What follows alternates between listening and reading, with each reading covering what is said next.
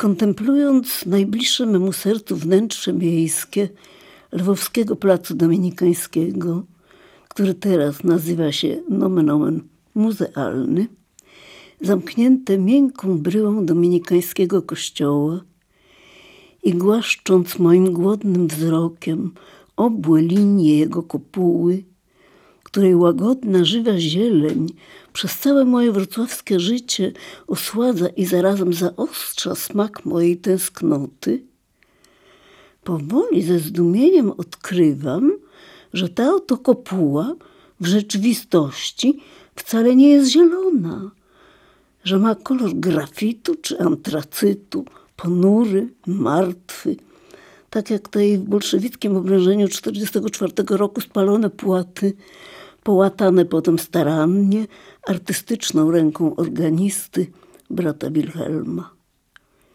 Zarazem uświadamiam sobie, że śmieszna, mała, ale zielona kopułka, wznosząca się nad obcymi blokami mieszkalnymi, pozwoliła mi się jakoś w końcu łatwiej uswoić z dzielnicą Karłowice we Wrocławiu. I przyznaję się do tego głośno moim rozmówcom spod parasola ukraińskiej kawiarni pod moim domem przy Dominikańskiej, dziś Stawropygijskiej, numer 9. Memu synowi, który tu jest po raz pierwszy, i mojej młodej radiowej koleżance pani Małgorzacie, która mnie tu przywiozła i przepytuje z mikrofonem w ręku. A z tą kopułką było tak. Pacjentka mamy z kliniki gruźliczej przy ulicy Teatyńskiej, piękna panna Marysia Brojakowska, która studiuje medycynę we Wrocławiu i mieszka u sióstr Urszulanek przy placu biskupa Nankiera, utrzymuje z mamą korespondencję i już wie, że 11 czerwca 1946 roku nasz transport miał wyruszyć z Lwowa. Więc co drugi dzień regularnie wychodzi na wrocławski dworzec towarowy, żeby sprawdzić, czy nie przyjechałyśmy. I wreszcie 20 czy 21 czerwca znajduje nas w naszym bydlęcym wagonie pod gołym niebem.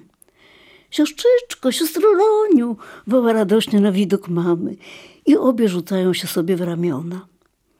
Opowiadamy jej o naszej podróży, o jak gdyby nietkniętym wojną, a piekielnie egoistycznym Krakowie, o naszym zaszokowaniu wrocławskimi gruzami i rozpaczliwie dopytujemy się, gdzie tu i jak tu w ogóle można żyć. Ale wrocławska studentka pociesza nas, że istnieją tu jakieś fragmenty ocalałych ulic, a w dzielnicy, która się nazywa Karłowice, są jeszcze podobno nawet jakieś wolne mieszkania. I tłumaczy, jak tam dojechać. Więc na zajutrz obie z mamą się tam wybieramy. Babcia biedactwa, jak zwykle teraz, zostaje pilnować rzeczy. W Lwowie to ona rządziła. Tu zaczynają się rządy mamy.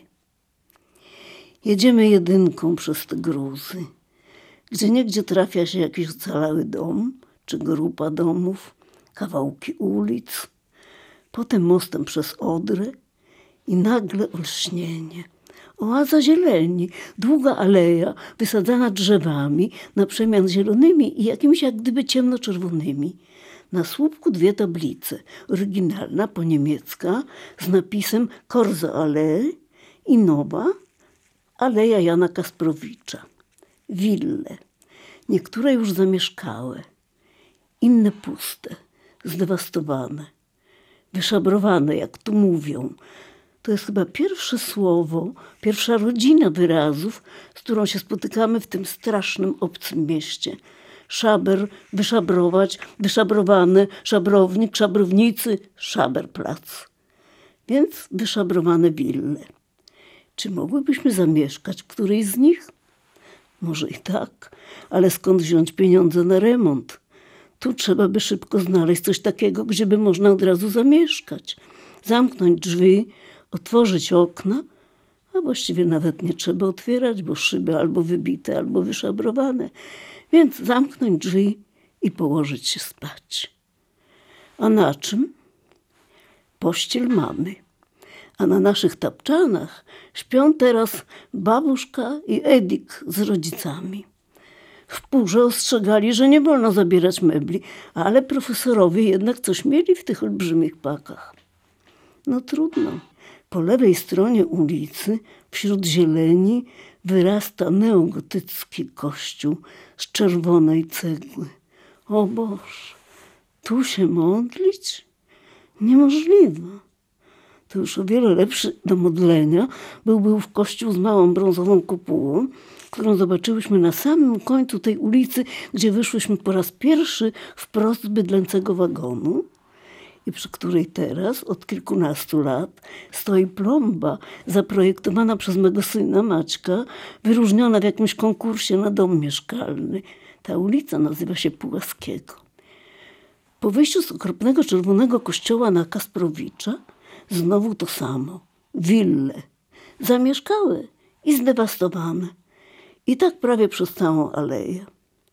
Znowu jakaś czerwona twierdza po lewej stronie. Potem się okaże, że to klasztor żeński i szpital i obok szkoła. Ale tu na końcu alei zarysowuje się jakaś walcowata, dość wysoka budowla, zwieńczona czym? Małą zieloną kopułką, nie do wiary. Jaki swojski kształt i miły oku kolor. Mama mówi, że to chyba wieża ciśnień. Skręcamy w prawo i w lewo, w jakiś tunel pod domami, zagrodzony metalową siatką i przez dziurę w tym płocie włazimy z mamą na plac. Okrągły, prawie pusty. Tylko trzy pierwsze kamieniczki z brzegu Alei Kasprowicza wyglądają na zamieszkałe. W centrum placu latarnia, a z nad dachów wychyla się znowu ta sama mała zielona kopułka. Coś na otarcie łez substytut, proteza. Tak jakby zamiast fotografii ukochanej twarzy, malutkie, ale minutowe zdjęcie kogoś troszkę, troszeczkę, odrobineczkę podobnego, którego widok przywoła dalekie wspomnienie i wydobędzie z wnętrza tęsknotę. Zielone przypomni lata. Na rogu placu dwie tabliczki. Am Markte plac Jerzego Żuławskiego. I tu się wreszcie zatrzymamy. W roku 1956, kiedy z Moskwy przywiozą w trumnie martwego Bieruta, a w Pradze, tuż po powrocie z Moskwy, pożegna się z życiem prezydent Czechosłowacji, i brydżyści będą żartować, że nie wolno teraz będzie mówić trzeci pik, bo tak właśnie czyta się nazwisko Wilhelma Pika, prezydenta czy pierwszego sekretarza partii w NRD. Otóż wtedy plac Żuławskiego zostanie przemianowany na Gotwalda i odtąd wszyscy tu urodzeni, łącznie z moim synem, przez całe życie będą go nazywać placem Gotwalda, mimo że w wolnej Polsce znowu dostanie innego patrona, tym razem marszałka Józefa Piłsudskiego. I tu już chyba przyjdzie mi umrzeć. Miejsce na Bójwida już mam. Choć wolałabym na cmentarzu janowskim, tam gdzie dziadzio i arcybiskup Józef Bilczewski, którego nazwisko było pierwszym nazwiskiem wybitnego Polaka wpojonym mi przez babcię podczas wędrówek na cmentarz. Pani Mario, może jednak herbaty? Ponawia propozycję pani Małgorzata. Ach nie, mnie denerwują te tłumy, pani Małgosiu, bezkształtne i bezmyślne. Czy oni w ogóle, ci ludzie, którzy tu chodzą, wchodzą i wychodzą, pojmują, gdzie są, po czym stąpają? Przecież kościół i klasztor dominikanów to była beczka prochu. Tak napisał w swojej książce ksiądz Stanisław Bizuń. Książka nosi tytuł Historia krzyżem znaczona. Tu było prawdziwe podziemie, akowskie, harcerskie, naukowe. Więc opowiadam pani Małgosi do mikrofonu, co się działo u Dominikanów. Że tu przychodzili do ówczesnego przeora ojca Anselma Jezierskiego, a swego kapelana o pseudonimie Leomar przywódcy akowscy i mówili na przykład, co by chcieli, żeby on dał do zrozumienia słuchaczom w najbliższą niedzielę. I on, ten wspaniały retor, złotousty kaznodzieja, podczas sumy na swoim kazaniu mówił, przemycał, dawał do zrozumienia, a cały inteligencki i patriotyczny Lwów się tu schodził, słuchał i pojmował. Tym kościele były tłumy, wyobraża sobie to pani? Tłumy ciągnące przez ten plac w czasie okupacji. Wielu znanych lwowian pisze o tym w swoich pamiętnikach. Nawet w internecie takie wspomnienie można znaleźć. I teraz też są tłumy. Ale jakie tłumy? Rozumie pani, pani Małgosiu? Czuje pani te różnice? A z ojcem Pawłem Kielarem konspirowali harcerze. Postacie konkretne, historyczne.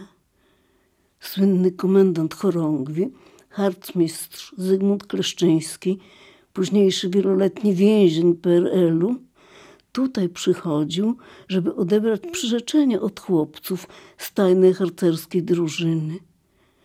Natomiast pod opieką ostatniego przeora i proboszcza, ojca Sylwestra Palucha, profesor Mieczysław Gębarowicz, historyk sztuki i ostatni dyrektor Osolineum, czy inni Osolińczycy, uważa pani, Osolińczycy deponują swoje księgozbiory czy swoje prace naukowe, żeby albo je uchronić przed grabieżą, albo, jeżeli to już będzie nieuniknione, przygotować do przewozu na zachód, czyli za sam, czyli na ziemię Polski pojałtańskiej.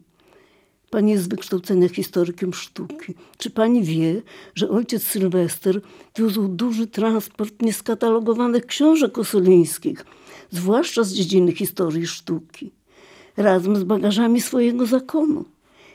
Niestety, jak się potem okazało, ten wagon został rozbity i częściowo rozkradziony przez sowieckich soldatów jeszcze na dworcu w Lwowie. Opowiadam pani Małgosi o naszym chórze i naszej konspiracyjnej drużynie harcerskiej. Pokazuje to wielkie okno z balkonem, gdzie od wewnątrz były organy i okno o pół piętro niżej, tam gdzie był tak zwany nasz salonik, gdzie podczas kazań panna Marysia Piskorzówna, nasza prezeska, czytała nam pana Tadeusza, albo Ogniem i Mieczem, albo inne książki z polskiego kanonu. A tu wejście do klasztoru, a tu okno rozmównicy.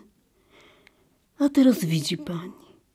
Wychodzi w Osolineum we Wrocławiu pamiętnik lwowski, wydany z rękopisu Romana Attanazego, osolińskiego późniejszego kustosza, który się przyjaźnił i też konspirował z tymi dominikanami, a z ojcem Pawłem siedział w jednej celi na Łąckiego. Tu, rozumie pani? Tu naprzeciw to się działo, tu. A teraz co? Te tłumy wchodzą i wychodzą i rzucają kopiejki temu Nikiforowi z brązu, z tym okropnym, porowatym nosem, którego tu posadzili na tej brązowej ławeczce, chociaż w życiu nie był w Lwowie i nie miał z nim nic wspólnego.